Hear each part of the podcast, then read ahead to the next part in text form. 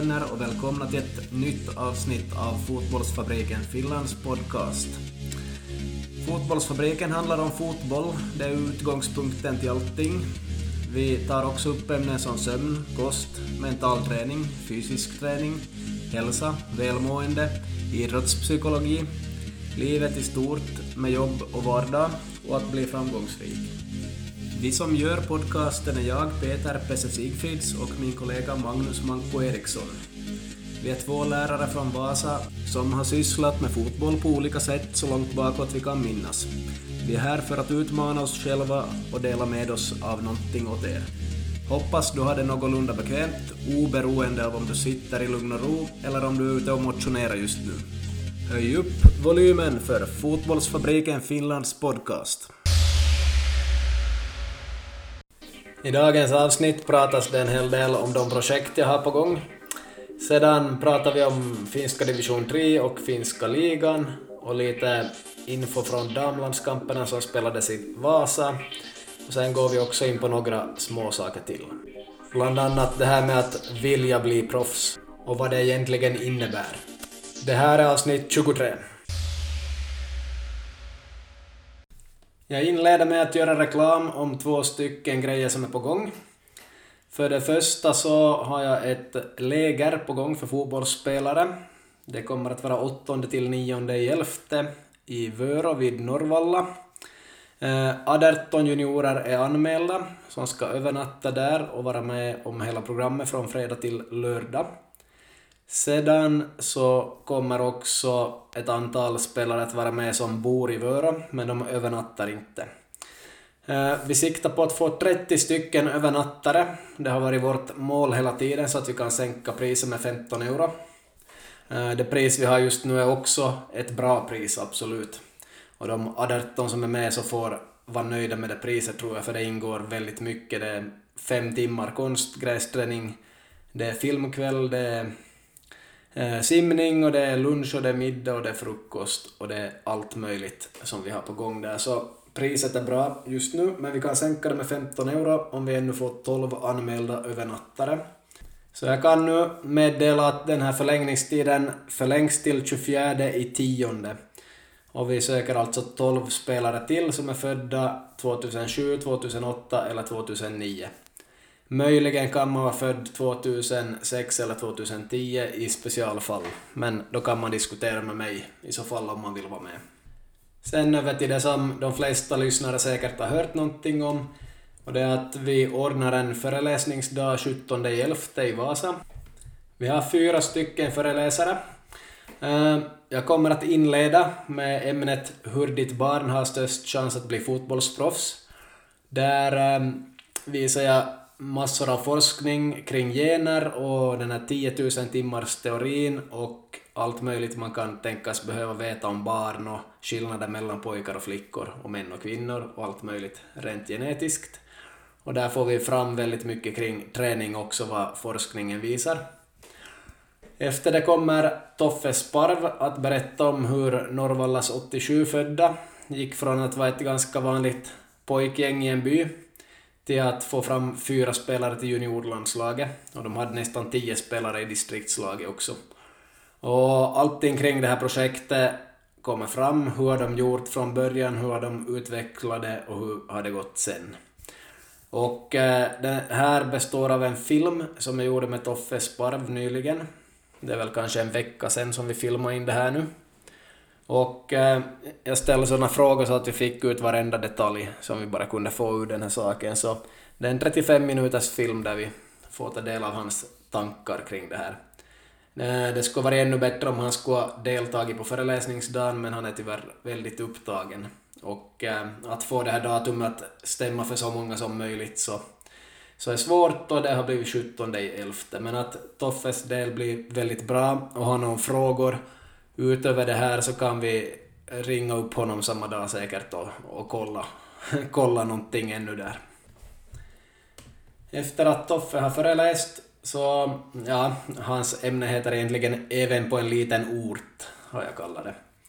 Så då kommer det att bli en sån här pedagogiklektion på en timme, där jag berättar lite om att pedagogik och nyfikenhet skapar mer och mer succé. hur man får igenom sina planer till fotbollsplanen. Man kanske har en papperslapp där man har skrivit ner någonting eller gjort en plan på dator och hur får man det från tanke till slutprodukt så att det överförs till spelarna. Förutom det så berättar jag också hur jag studerar fotboll varje vecka och hur det går till. Och eh, innan lunchen hinner vi också med en grej till och det är vägen till ligaspelare i fotboll och vardagen som professionell idrottare.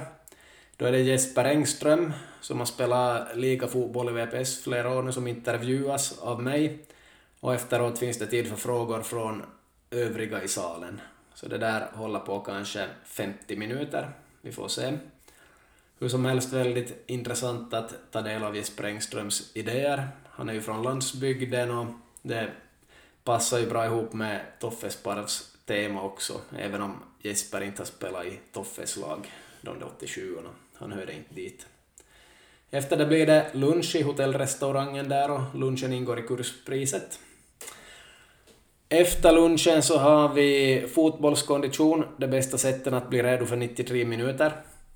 Där kommer jag då att berätta en del om Verhajens teorier, hur de fungerar och hur man kan studera de här sakerna. Därtill där tillkommer att krossa en del myter och sådana träningssätt som man inte borde använda, som kanske används ännu i Finland. Mm, kommer att ge, ge chans till vidare självstudier inom det här ämnet också. Det går inte att lära sig allt här på en timme. Men där har jag en powerpoint som är över 100 sidor, kanske 130 sidor. Och ehm, ja, vi går inte igenom allt därifrån, men vi plockar ut bra, bra bitar och det här med uppvärmning är ju viktigt, det, det, kommer vi att se på, hur ska det gå till egentligen? Man kan inte bara göra som man alltid har gjort, för de flesta lag jag ser så gör fel. Och det här med nedvarvning efter träning, hur ska man göra det? Och allt det här vardagliga med sömn och kost ska jag ta upp som en liten extra del där på slutet av den här timmen, så där kommer några knep kring det och det delas också ut en, en ehm, powerpoint kring kost som jag gjort på både svenska och finska som är riktigt bra. Ni kommer också att spara mycket tid i framtiden då ni blir bättre på att förstå saker och ting och, och ni kommer ifrån det här stretchande som inte är viktigt, eller är det viktigt? Vi kommer att gå igenom det. Hur ska ni göra? Ni kommer att spara tid, kan jag lova i alla fall. Mera lag där, bara ni får den här delen också. Sen nästa grej som det föreläses om är också av mig och det heter Rutiner i vardagen, våga göra saker annorlunda och få ett framgångsrikt liv. Så där går vi in lite på vardagsrutiner och hur man kan ändra på sättet att leva och tänka och göra saker. Så det där är inte bara fotbollsbaserat utan det är nog kring själva livet. Så den där delen passar alltså för alla. Och det gör egentligen de här sista delarna vi har på dagen också. Men eh, klockan 14 så är näst sista delen som också jag kommer att berätta om och det är om fotbollsspelarnas hjärna, sådana medvetet och omedvetet beteende. Vi har eh, vissa grejer vi gör medvetet och omedvetet som människor. Och eh, där har vi Ferhajen igen som har många tankar kring den här hjärnan och ger klara tips och förklaringar på många bra grejer. Till exempel då en anfallare missar ett friläge, skjuter bredvid mål eller skjuter på målvakten, så vad är det egentligen som händer? Om vi går ända in i hjärnan och kollar, vad är det som händer och hur kan vi då förbättra det här till en annan gång och se till att den här spelaren gör mål så ofta som möjligt. Så om vi går ända in i hjärnan så kommer vi ganska bra, ganska bra på vägen för att få se vad det är som har gått fel egentligen. Och eh, sen får vi också se mycket på det här hur man ska tänka. Och nu är det inte bara en massa flum som, som vilken mental tränare som helst som är nyutbildad kan säga hur man ska tänka, utan det, det är väldigt genomtänkt det här. Och vi kommer att gå igenom väldigt många bra grejer där. Och det är alltså en del med idrottspsykologi och det är fotbollsbaserat samtidigt. Efter att den delen är klar så kommer eh, dagens huvudgäst in och det är Kristoff Dreyer. Vi har bokat 75 minuter åt honom. Han ska dra en del om mental träning för fotbollsspelare och fotbollstränare. Så han får då ge oss en föreläsning om det och höja ribban om han kan på de här grejerna som har kommit upp redan och ge sin syn på de teorier som nämndes i föregående programpunkt av mig. Och så kommer han att ge sina tips. Och jag kan verkligen rekommendera att höra på Trejer varje gång man har chans. Jag har väl haft, haft äran att göra det kanske fyra gånger och jag har varit väldigt imponerad varje gång och, och skrivit ner i princip varenda grej han har sagt och faktiskt läst igenom det efteråt och, och tagit efter väldigt mycket. Det har förändrat mitt sätt att vara tränare och ledare och lärare och kanske delvis också människa. Det borde komma en reklam i Vasabladet vilken dag som helst om det här, en liten notis på sportsidorna. Eh, Därtill så kommer vi att göra reklam på lite olika sätt, men överlag så är det mail som går ut till idrottsföreningar och så här allmänt delar vi någonting hit och dit. Men att de som har fått den här infon så det är bara att börja anmäla sig. Eh, de två första dagarna efter att anmälan gick ut, eller chansen att anmäla sig, så fick jag fyra anmälningar direkt här av fyra personer som jag inte känner, vet inte vem de är faktiskt. Så det är ju bra. Och hoppas ju på väldigt många som jag känner från tidigare också och har pratat med många som nog kommer att komma men de är inte anmälda än. Inte helt officiellt i alla fall. Men att det blir en häftig dag, vi kommer att ha många tränare på plats i publiken och, och de grejer som vi diskuterar så, ja, de är som föreläsningar men man kan ibland få komma med frågor, sträcka upp handen eller så tar vi frågorna efter själva föreläsningen. Så det kommer som att gå att kommunicera också mellan varandra, så det blir nog säkert en bra stämning och, och ett eh, bra rum att lära sig någonting i. Därtill kan jag säga att det lönar sig att ha med anteckningsmaterial, sitta och skriva ner. Man kan ta någon bild av någonting som händer i rummet och sådär kanske, men att vi undviker att filma eller spela in ljud. Det är inte meningen att man ska göra det. Så vi har vissa sådana regler med det också. Eh, på schema finns inte så många pauser kanske, men att det kommer nog att komma någon paus här och där och, och kaffe finns det tillgängligt där och, och lunchen ingår som sagt. Vi har gjort det här evenemanget så billigt som möjligt så att så många som möjligt ska kunna komma också. Och det kostar bara 55 euro och där ingår mat och som sagt de här kaffepauserna. Men att äh, bäst är ju om föreningarna betalar åt tränarna och ledarna så, så blir det så billigt som möjligt för tränarna och ledarna. Och äh, alla har ju inte en ersättning för det jobb de gör så det här är ett ganska bra sätt att ersätta dem, att utbilda dem, ge dem utbildning gratis. Så ja, det är vad jag rekommenderar att föreningarna betalar men att 55 euro det är inte så mycket pengar och, och det är ju mat och allting där så jag tror nog att att äh, många privatpersoner kan tänka sig att betala det här annars också. Ni får som sagt material att ta med er hem till föreningarna så att säga. Sen måste man också tänka att det tar väldigt lång tid att bygga upp föreläsningar och det är därför som de måste kosta någonting också. Jag såg att en föreläsning Treijer, håller just nu, eller var det en kurs, så no, det har tagit 32 år att bygga upp den menar han. No, det är som en 32 års erfarenhet inom det där specifika området. Uh, vissa delar jag håller kan uh, ligga hundra timmar arbete bakom, så det, det, är en hel del jobb bakom. Sen att intervjua Jesper Engström, så han behöver inte göra så mycket bakgrundsjobb för att bli intervjuad, men, men han ska få en del frågor att tänka igenom på förhand. Och Toffe Sparv var ju intervju, han fick ju offra en del tid för den här intervjun i alla fall och förbereda sig en del och tänka tillbaka. Så det ligger nog alltid en hel del arbete bakom, men att vårt mål är inte att göra någon jättestor vinst eller något, utan vi, vi gör det billigt och vi hoppas att så många som möjligt kommer och att det blir en jättebra dag och att fotbollen utvecklas här i Österbotten och förstås i hela Finland, men jag antar ju att det är i Österbotten som de flesta kommer att, kommer att jobba vidare efter att de har deltagit i föreläsningen. Så med det här kan jag avsluta ännu att anmäla er så snabbt som möjligt till peter sigfrids at hotmail.com eller via sms. Med Manko kommer vi nog att avhandla ganska många ämnen här. Det första är väl hur läget är för tillfället. För min egen del kan jag säga att det har varit höstlov för de flesta lärare, men jag jobbar med projekt och ja, en hel del jobb framför datorn i alla fall. Så jag har inte egentligen haft något höstlov, men jag jobbar hemifrån delvis så det har varit helt skönt. Förra helgen var jag och bodde på hotell och hade lite semester i Tammerfors och helgen som kommer ska jag bo på hotell igen för då blir det en utlandssemester med mina kompisar där, det blir två nätter borta. Här hemma kan man konstatera att det är väldigt tråkigt höstväder, det regnar och det är kallt om vartannat. Jag gjorde en länk i, ja var det i tisdags, i ösregn, nej inte ösregn, men det regnade i alla fall så, så rätt jobbigt nog skulle jag vilja påstå, men alla andra dagar har jag varit på gym och sprungit och tränat muskler så helt kul med den här gymsäsongen den här årstiden. Sen håller jag på och jobbar med, med både föreläsningen och eh, det här, det här lägret som ska komma. Så det är ganska fullt upp, förutom att man ska vara med familjen och, och sköta annat jobb. Och nu undrar vi då hur läget med Manko, vad har du gjort på sistone och eh, ja, hur funkar din vardag just nu?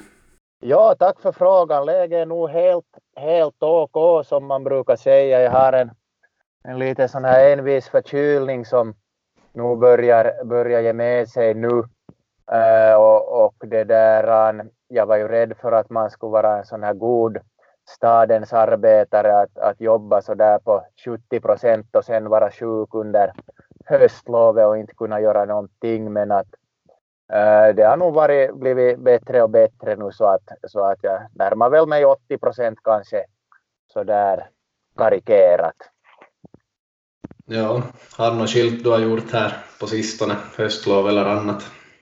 Ja, vi har ju den här veckan höstlov nu här i, i Vasa och, och de första, första dagarna gick nog så här i lite återhämtningens tecken. Man tog det lite lugnt men att, att nu håller vi med frun på att måla, måla ännu ett par väggar i, i lägenheten och sen har vi också äh, flickornas kusin på besök från Helsingfors. Han kom igår kväll så att det är nog full rulle på, på dagen och sen är det, är det lite så här små renoveringar på, på kvällen som gäller. Att vi, vi försöker ju som sagt sälja den här vår, vår lägenheten och, och äh, om, om man är intresserad så är det bara att ta kontakt. Det är en trea i Sandviken som, som nog är i bra skick nu efter det här sista målningen av väggarna som blir klara kanske om ett par dagar. Så, så att ta kontakt bara. Ja, jag fick faktiskt sålt min kusins trea genom att dela den vidare på Facebook här för en kanske åtta år sedan. ja, just det. Ja, ja no, det är väl nog så att de här traditionella sätten så blir, blir eh, mindre, mindre vanliga och nu för tiden är det väl just sådana här Instagram-konton och sånt och förstås delningar på sociala medier som, som, som nog står för en stor del av, av businessen. Mm, ja. Uh, det vi ändå kan ta här i början är om du har någon kommentar till det här med domare, hur en bra domare ska vara, för du hann inte svara på det senaste gången, men jag gav ett ganska långt svar där. Ja, just det. Uh, no, uh, Eh, jag skulle väl säga som så att, att det är viktigt för en bra domare att han kan kommunicera och eh, också erkänna eventuella fel och att man håller en, en eh, no, någorlunda jämn linje under matchen, att man inte det där mitt i allt börjar blåsa för någonting som man inte har blåst för tidigare, att då är det ju nog lätt att tappa matchen. Men, men de domare som man har störst respekt för så här i alla sargat så det är väl nog de som är goda kommunikatörer och kan, kan diskutera och, och inte bara vifta bort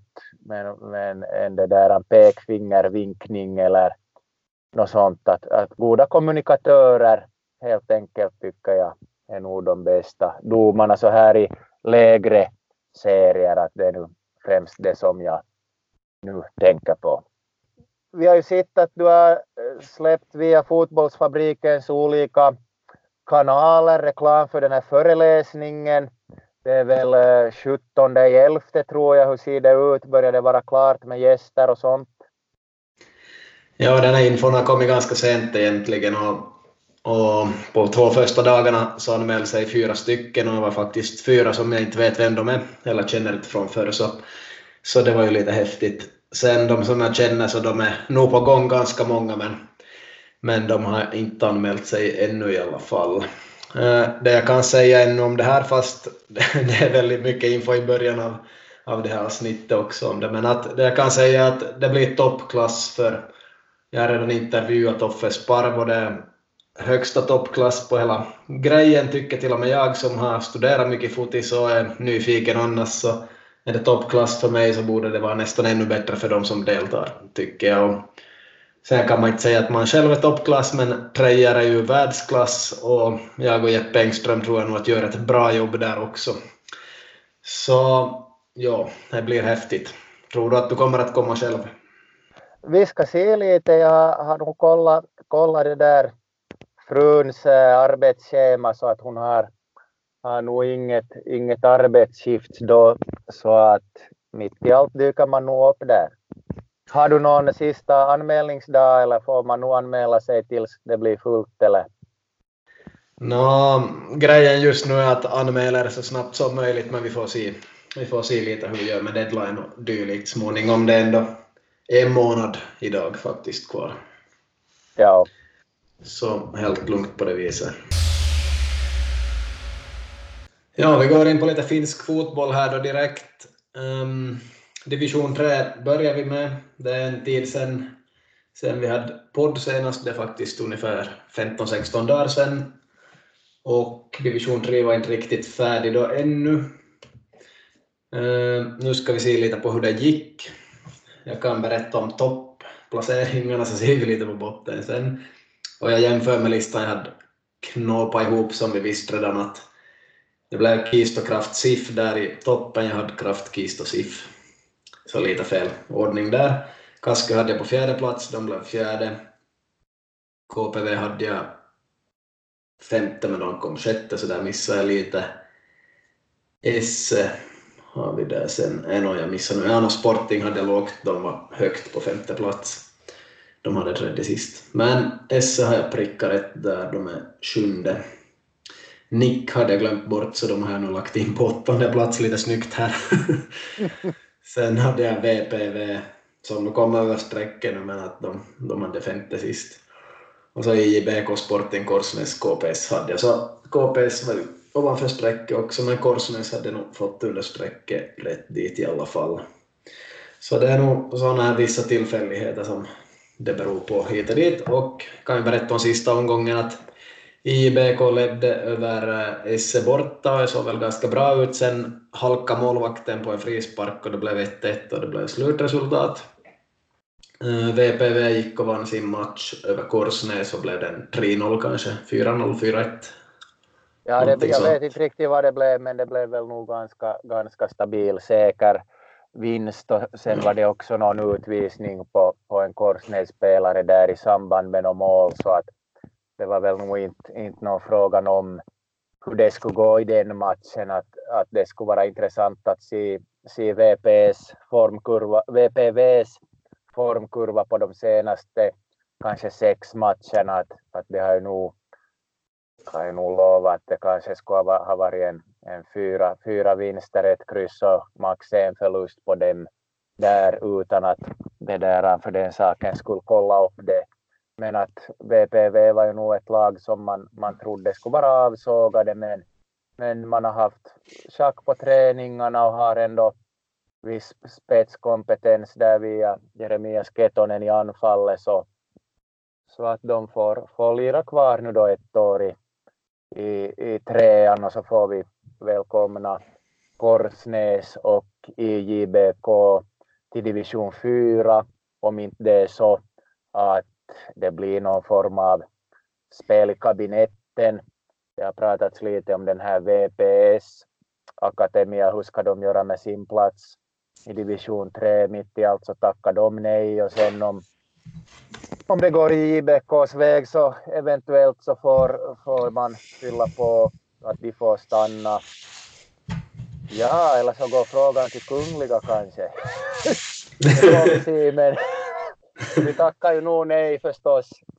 som vanligt. Uh, och sen så såg jag den här Korsnäs uh, stora pamp så, så sa att de skulle lite kolla läget med andra laget och så vidare, att är det hållbart.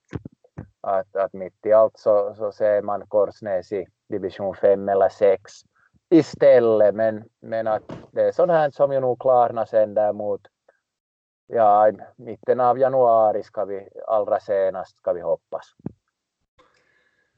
Ja, eh, jag pratade med en från IJBKs öppningselva igår så eh, det lät som att det känns ganska okej att vara i fyran nästa år för de har varit dåligt på träningarna och så här men att Ja, kom ner till fyran och spela så får ni se. jag sa inte det åt honom men att det kan nog vara ganska tråkigt att möta den nedre halvan av fyran. Att det är nog som ganska låg kvalitet jämfört med trean och det kan nog hända att man får lite tråkigare än man hade tänkt. Och, var inte så kul att vinna 10-0 heller över vissa lag och, och köra över dem. Det, det, det, är inte så kul som man skulle tro. Så mitt förslag åt honom var nog att ta division 3-platsen om ni får den.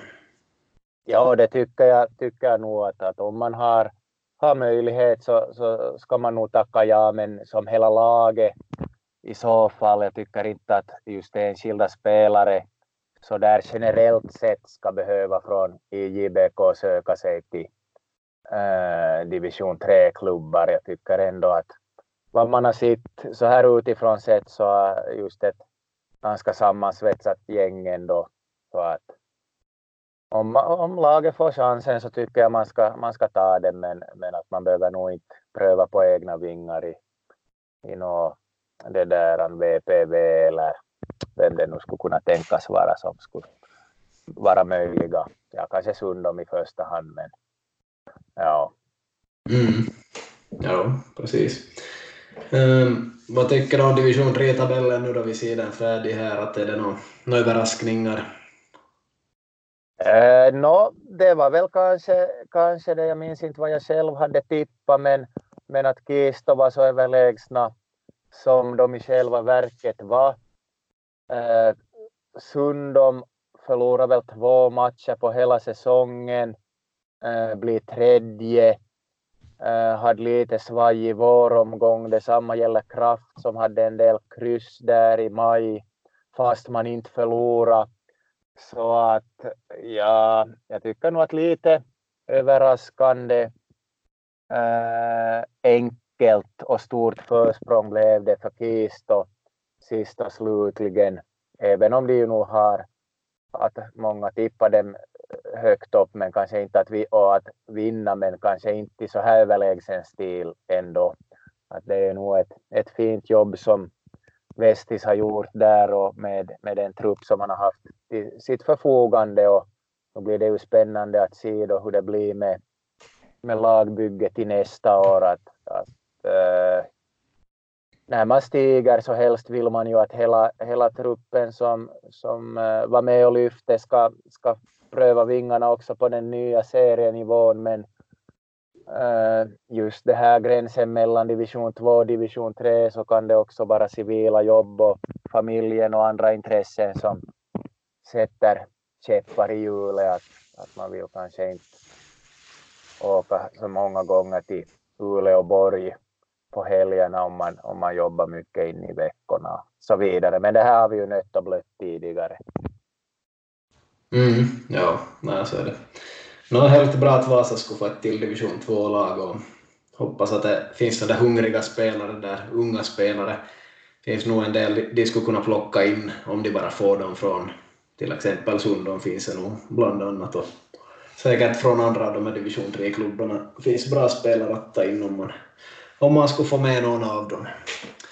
Eh, uh, inte tycker jag egentligen att det är några stora överraskningar själv heller i division 3 inte sett till vilka trupper de startade starta serierna med och vad de hade för trupper på slutet, men att Sporting trodde nog inte att det skulle komma femte.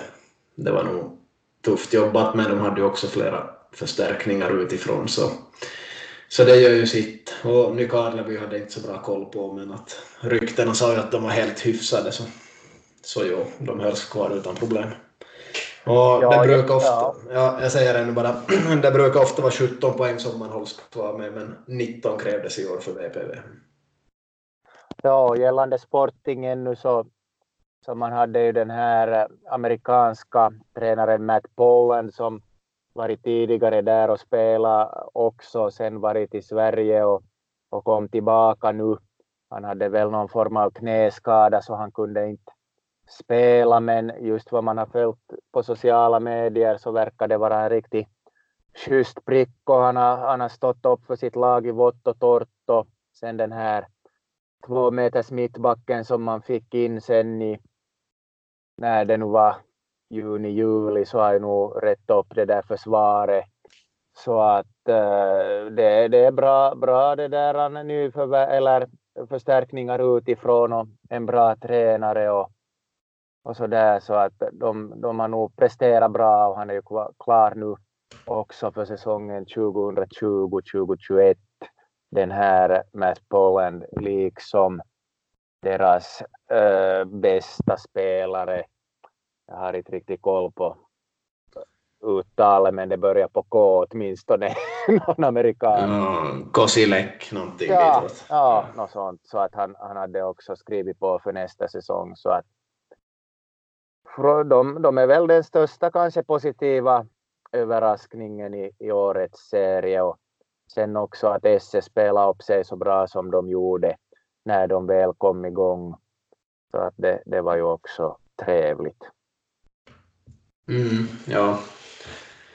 Och VPV ska man inte underskatta tydligen i slutändan heller. Nej, nej, det är nog spel till sista, sista visslingen som gäller. Ja, om vi hoppar över till finska ligan då så gick det åt skogen för VPS, även om det såg bra ut med en halvtimme kvar av den där näst sista omgången. Så det, det gick åt skogen. KPV gick och vann med ett par mål där och HIFK svängde till 3-2 mot Vepsu, så de förlorade där och föll ur ligan. Och, och det är faktiskt nio poäng som skiljer dem åt nu. Och så är det sista omgången nu i helgen. Eh, 19 oktober blir alltså på söndag. Och ja, VPS är ju avsågade och KPV kommer att kvala mot TPS snart, men nu möts KPV och VPS då i Karleby, så lite lustigt kan man ju säga. Har du några kommentarer om VPS och KPV och nedre slutserien här? Ja, det är väl kanske lite som, som vi har varit inne på här i podden också, att eh, KPV fick in ett par, tre bra nyförvärv här innan, innan eh, kring augusti medan VPS då eh, endast fick in den här ena målvakten som visserligen gjorde en bra första match. Sen släppte han väl in fyra bollar mot Kups men, men, men eh, ja, jag tänkte säga att det har jag också gjort eh, 2007 så att skam den som ger sig men, men ja, nu är Kompalla skadad. Eh, VPS fick inte kanske riktigt den reaktion på det här tränarbytet som man hade hoppats. Och samtidigt också så bättrar ju KPV på. Uotinen har visat sig vara en bra, bra, bra eh, tränare just här för KPV och det har vi, nu har det blivit klart här för ett par dagar sedan att han och Niko Kalliokoski fortsätter också nästa säsong oberoende av serienivå. Eh, så att eh, det blir en intressant match i helgen. Äh, Sören Bäcks eh, på ÖT spekulerar ju här om, om vilka mittbackar som, som eventuellt ska, ska spela och inte spela på grund av de här varningskontona som riskerar fyllas inför kvalmatcherna. Så, så att eh, det kan hända att det blir en riktigt äh, det där en avdankad tillställning just med tanke på besvikelsen som, som, någon fin om VPS och så där. Så att, eh, men att, att vi får, får hoppas på en bra match och att man ska avsluta med seger. Eh, men, men ja, det, det är ovisst inför sista matchen. Ja, KPV kan, kan spara en del, men det är också en bra träning inför, inför de här sista kvalmatcherna. Så jag tror nog att KPV kommer att gå in hårt, men kanske inte exakt med bästa öppningselvan, men att VPS har inget att förlora så de kanske vill ta en sista seger. Så vi får se vem som vill mer i den där matchen. Och kanske KPV gör några byten, börjar spara på folk, lite beroende på hur det ser ut och, och vad det är för väder på deras blöta gräsplan. Ja. Yes. Okej. Okay. Um, kan ännu nämna om ligan att SJK är tredje sist. Kan komma att bli fjärde sist. Och HIFK och Lahti slåss nu om den där sista platsen där att vinna nedre slutspelet. Och vi kan ju i nästa avsnitt gå in lite mer på övre slutspelet och hur det slutar här i nedre slutspelet. Ja, en grej som tas upp i min föreläsning också som det bygger ganska mycket på är det här med att bli proffs i framtiden vad, vad är det som gör att barn har störst chans att bli proffs på fotboll eller något annat i framtiden? Vad finns det för faktorer? Vad säger sån forskning om gener och det här 10 000 timmars regeln och allt annat? Eh, då jag har redogjort för det så kan man ändå se vad Toffe Sparv säger, hur det har gått för dem och där hittar man många kopplingar och sånt. Sen funderar jag så här, både för dig och mig, då man växte upp, man var kanske sådär att ja, jag vill nog bli fotbollsproffs, men hade man egentligen koll på allt vad det innebär? Vad tycker du? Uh, ja, ja där, när jag såg eh, körschema för dagens podd så började jag också lite tänka på de här sakerna. Men sen började jag också tänka på att uh, man kanske har bättre koll på hur det är att vara proffs nu 2019 än vad man hade koll på vad det var att vara proffs år 1995 och eh, att det kanske inte ser ut på samma sätt 95 och 2019 och att man kanske hellre skulle ha varit proffs 2095 än 2019 med tanke på, på, på alla krav och, och, och, allt möjligt som, som finns. Vad tror du om någon sån här tanke? Mm, no, det är en ganska bra poäng nog. Jag tror det var lite bekvämare förr. Har man någon gång hört Glenn Hussein prata om hur det gick till i Liverpool så det var ganska chill. Och mm, finska ligan, klart, allt, alltid har varit hårt på sitt sätt att spela i finska ligan, men är nog betydligt högre krav idag idag på dagens spelare och kvaliteten är högre på alla sätt och kraven och allting är nog högre skulle jag säga. Och egentligen kunde inte ligaspelarna så supermycket fotboll de som spelade på 90-talet eftersom jag träffade dem på tränarkurser senare och de har svårt att lösa problem. Också en som är med i Finlands Hall of Fame i fotboll, en från Åbo. Så då jag varit på en tränarkurs med honom och de säger att hur skulle du lösa den här situationen? Nå, som spelare inte vet jag, jag skulle ha sprungit fullt dit och glidtacklat några gånger och, och sådär. Så det är som mer på filisen än på själva tänkandet och de har inte löst så många problem förr heller, vilket jag nog tror att spelarna gör idag och de är ganska smarta i slutändan. Så också den biten, förutom all den här fysiska biten, så den har säkert ändrat precis som du säger, så intressant det som du så. Sen eh, tänker man ju bara på de där bra grejerna med att vara proffs och spela matcher, göra mål och bla bla bla, men kanske man inte har tänkt så mycket på det där vardagliga jobbet som är ganska hårt och i Finland inte så hemskt bra betalt och man får kanske ingen utbildning på sidan om förrän efter karriären, så det är ju också en grej. Och ja, det är nog tungt att vara fotbollsspelare i vardagen och, och mycket resor och också om man skulle vara utlandsproffs eh, jag skulle knappast ha varit redo att flytta utomlands då jag var 20 om det skulle ha funnits en sån möjlighet. Rent eh, psykiskt skulle jag nog inte fixa det nästan tror jag dessutom. Så man kanske tror mycket när man växer upp men vet man egentligen vad det innebär? Det är ju alltid en sån där fråga också. Ja, nej, det, det är precis som du säger att inte, inte vet man ju som, som åttaåring vad det innebär. Att man vet ju det knappt när man är 38. Så knappt. mm, ja. Uh, ja, nej, men speciellt att flytta utomlands. Man ska nog vara, vara en stark person, en stark personlighet.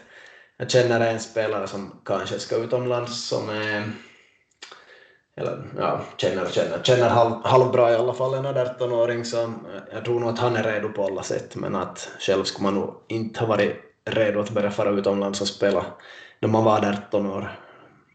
inte jag i alla fall. Äh. Så ja.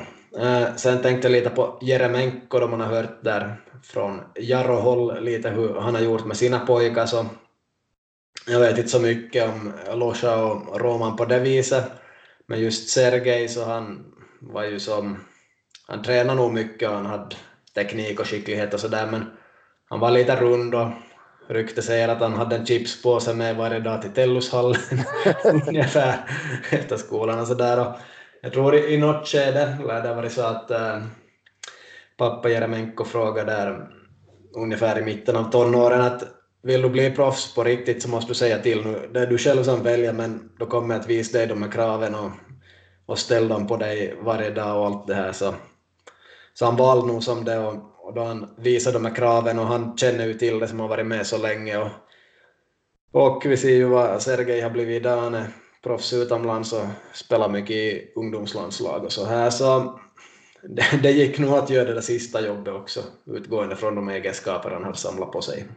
Mm. Men att det är inte alla som har, har Alexej Jermenko som pappa som kan Nej. visa den vägen och vet exakt kraven, exakt så här ska du ta emot en boll i det här läget, uh, så här ska du äta, så här ska du sova och allt sånt här och ställa kraven. Och, ja, så han har ju som fått vara inne i en bra skola säkert där sina sista tonår. Ja. Så ganska häftigt att att det blev så bra som det blev för honom och hans saga är ganska kort ännu.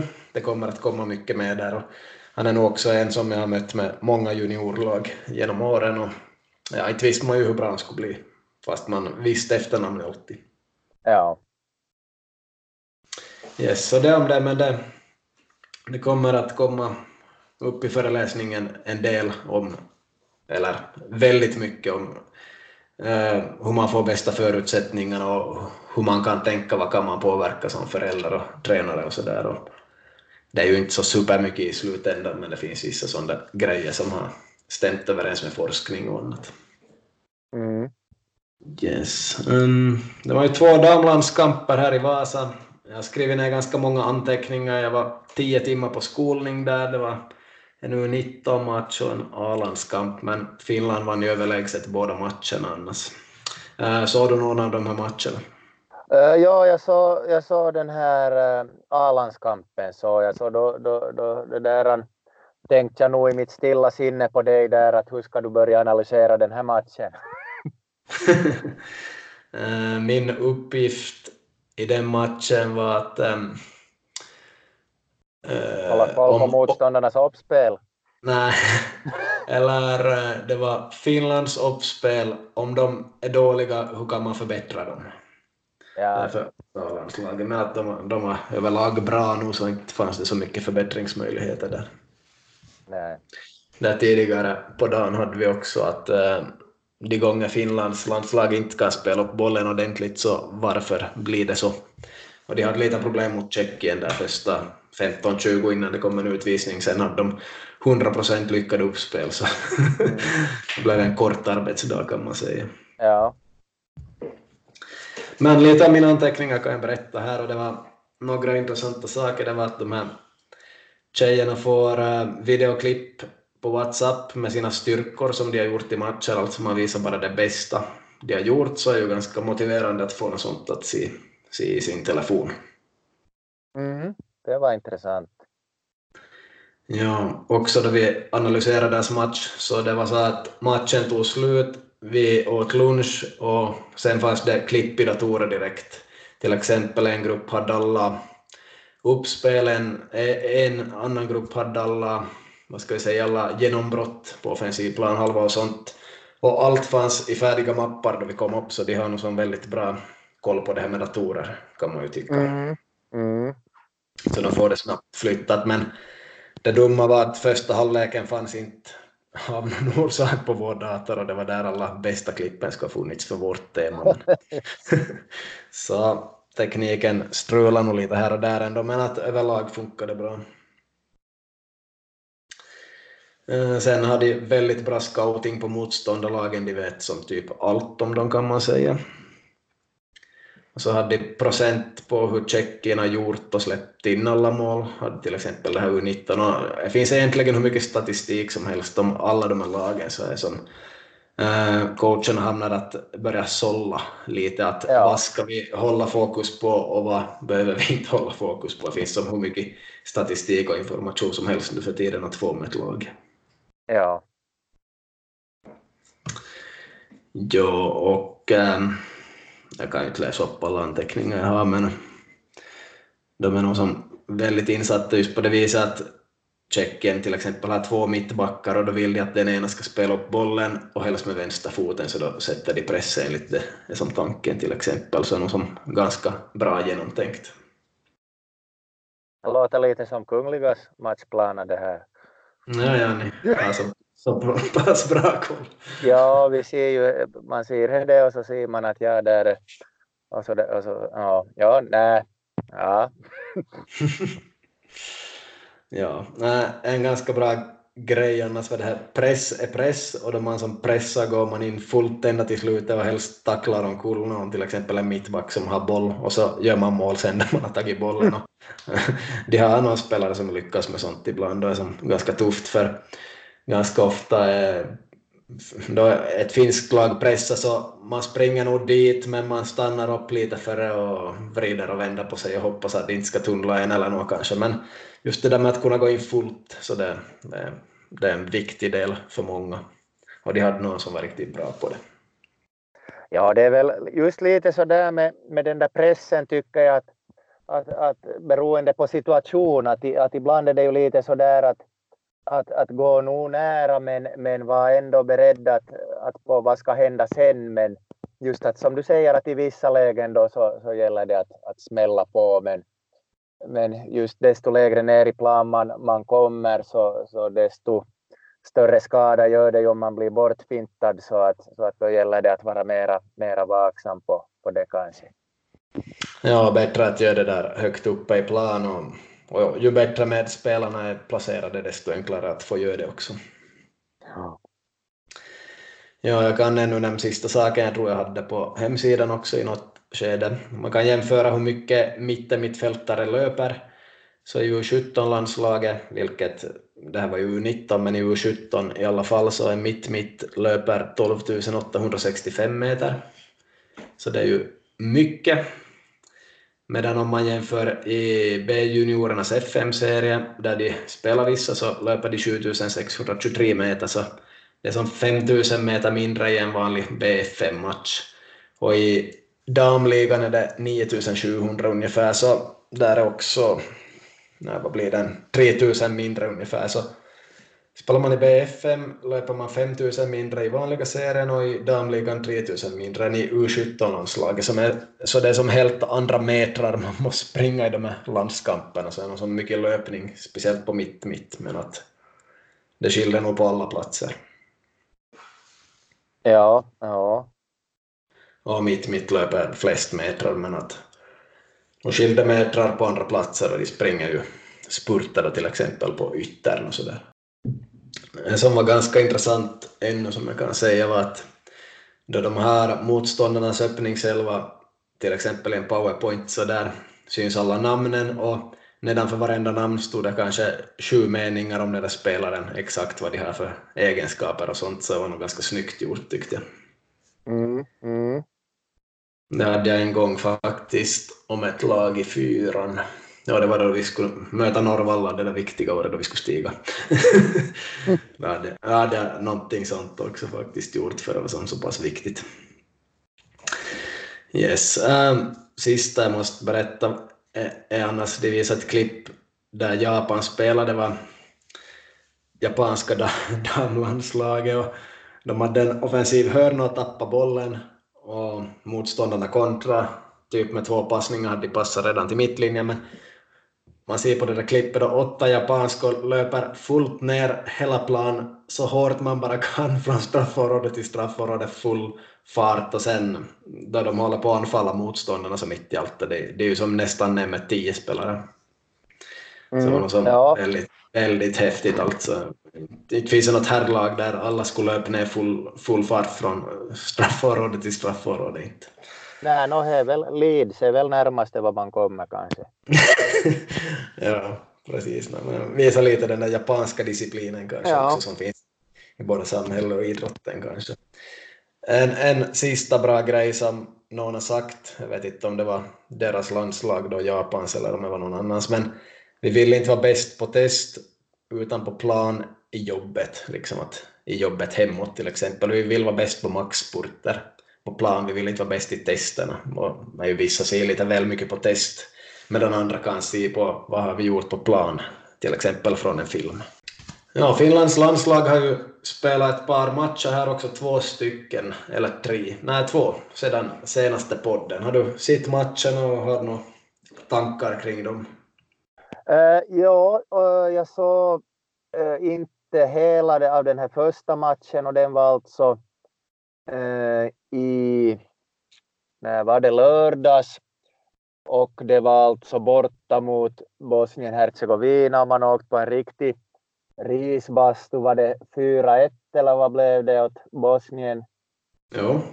Ja, och då blev ju hela fotbollsfinland blev oroligt att hur, hur ska det gå nu, att det här är ju mera som det här typiska Finland som vi har, har sett i, i det där 30 år, att, att, att när det väl gäller så lyckas inte man, men, men sen så visar man nu då i, i tisdags i Åbo mot Armenien hemma så, så gjorde man en, en riktigt, riktigt bra match igen och uh, vann, var det 4-0, 3-0?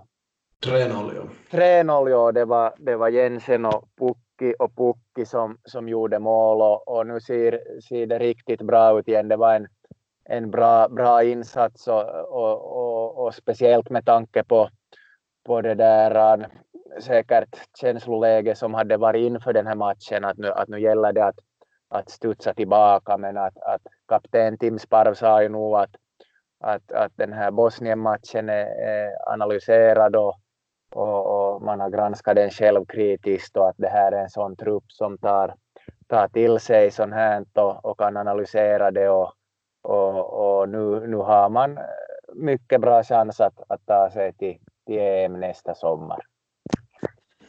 Ja, det kommer ju någon match per säsong som man inte egentligen ska analysera så mycket och jag tror det var just en sån match för nästan alla finländska spelare var dåliga mot Bosnien och Bosnien hade en riktigt bra dag. Alla presterade 100 tyckte jag där så, så då blir det 4-1 och det var väldigt välförtjänt även om en straff var feldömd men det hänger ju inte på det i slutändan.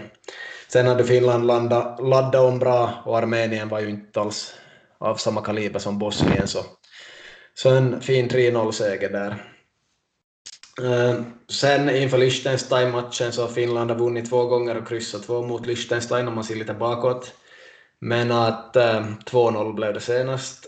Jag tror ju nog att Finland vinner och så här utåt så jag tycker nog att de spelarna kan gå och säga att ja, vi fixar det här, ja, vi ska fixa det, ja, vi kommer att vinna Liechtenstein. Att det är det enda som finns.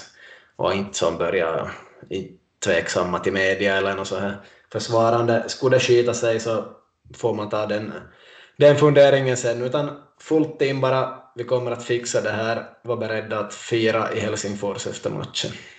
Ja. Sådana tankar är det från mitt håll. Och det som ännu är ganska kul är att fast Finland förlorar matchen så tror jag ändå nästan att konkurrenterna inte tar något mer än en poäng. Så det betyder också att Finland går till EM även utan poäng. Det, det är i princip vad jag tror, det är nog min gissning det faktiskt. Ja, ja nej, jag tror det, vi kan nog när där börja, börja boka, ja no, det är väl för sent att boka biljetter nu men det där för tidigt. Räk, räkna in Finland, Finland där.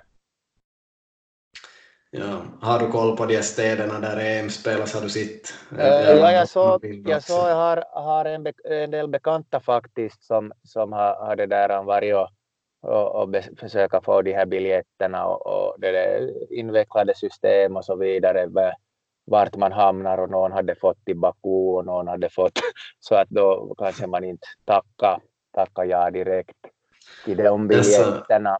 Ja, så det går redan att köpa biljetter? Ja, jag skulle, åtminstone har jag en, en tre, fyra bekanta som har, har det där varit och, i något sådana här system. Ja, så att, okay.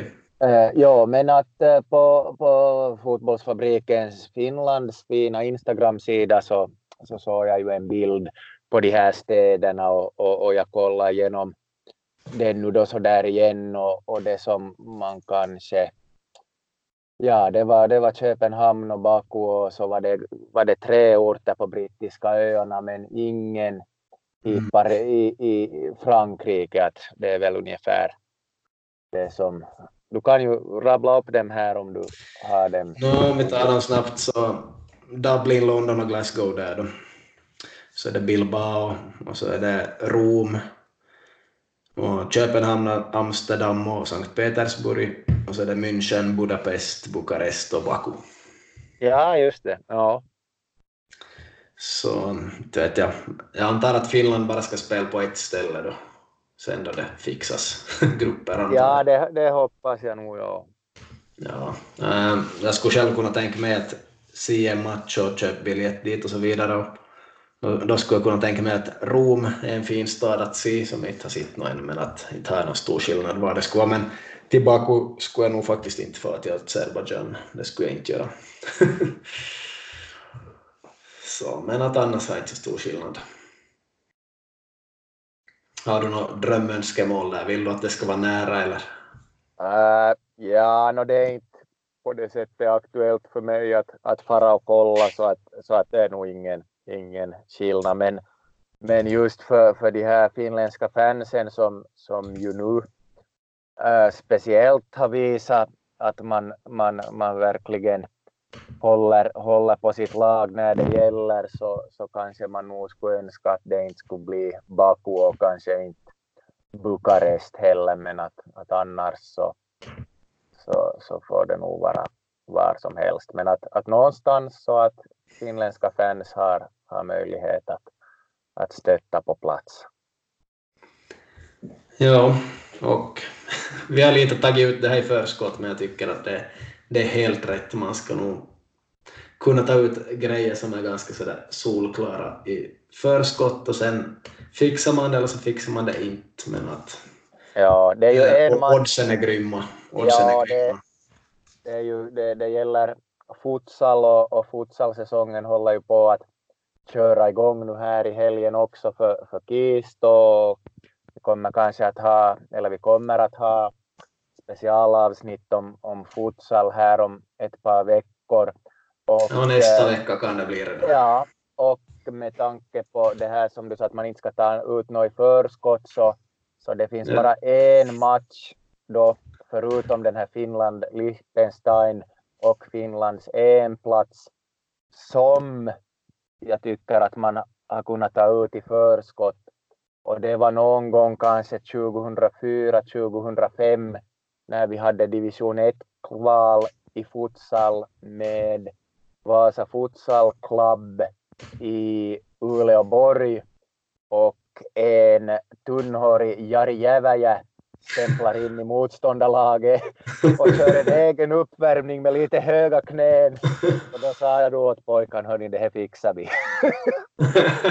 Så att den, den matchen, det brukar jag berätta att, att man ska nog inte ta ut några matcher i förskott, men den matchen så den, den, den sa jag nog att där fixar vi nog det. Ja. ja. Nej, jag tycker nog man kan ta ut det här i förskott, det, det får man göra om man vill. Och okej, för de som inte vet så Jari Jäväjä spelade i VPS där i slutet på 90-talet och mitten på 90-talet. Han var, han var ju en ganska bra anfallare i VPS som Nick skarvade mycket och gjorde en del mål och sådär. Jag vet inte, han var nog på något vis den kändaste i laget, kanske för att han inte hade så mycket hår heller, jag, jag vet inte. Men... Ja, han liknar lite Attilio Lombardo och, och var nog också och gjorde några landskamper och hade väldigt bra häng i luften. Ja, så var det. Eh, jag la nog också in de här EM-orternas karta på fotbollsfabriken.fi för de fanns bara på Instagram-konto här tidigare så det går att gå in och kolla dem från en karta och spara kartan om man är riktigt intresserad. Yes, vi ska väl börja avsluta för ikväll. Kyllä på, ta, på tal om karta och, och färgkarta så ska jag gå måla ett varv till här nu på, på, på, på en vägg som jag har som mitt ansvarsområde. Så att kyllä. Ja, men jättebra. Vi återkommer antagligen nästa vecka med ett futsalavsnitt då. Yes, kyllä. Och vi får, får tacka för lyssnarna för att ni, ni det där, lyssnar och eh, hoppas att, att ni får, får er en tankeställare eller ett skratt i varje avsnitt. Ja, det tycker jag också. Anmäl er gärna till min föreläsning, som inte bara är min, jag som ordnar föreläsningsdagen, men att anmäl er gärna dit, vare sig ni tycker bra eller skit om mig så blir det en lång dag med allt möjligt. Så anmäl er dit. Yes, kyllä. Tack för oss. Tack för oss. Ha det bäst.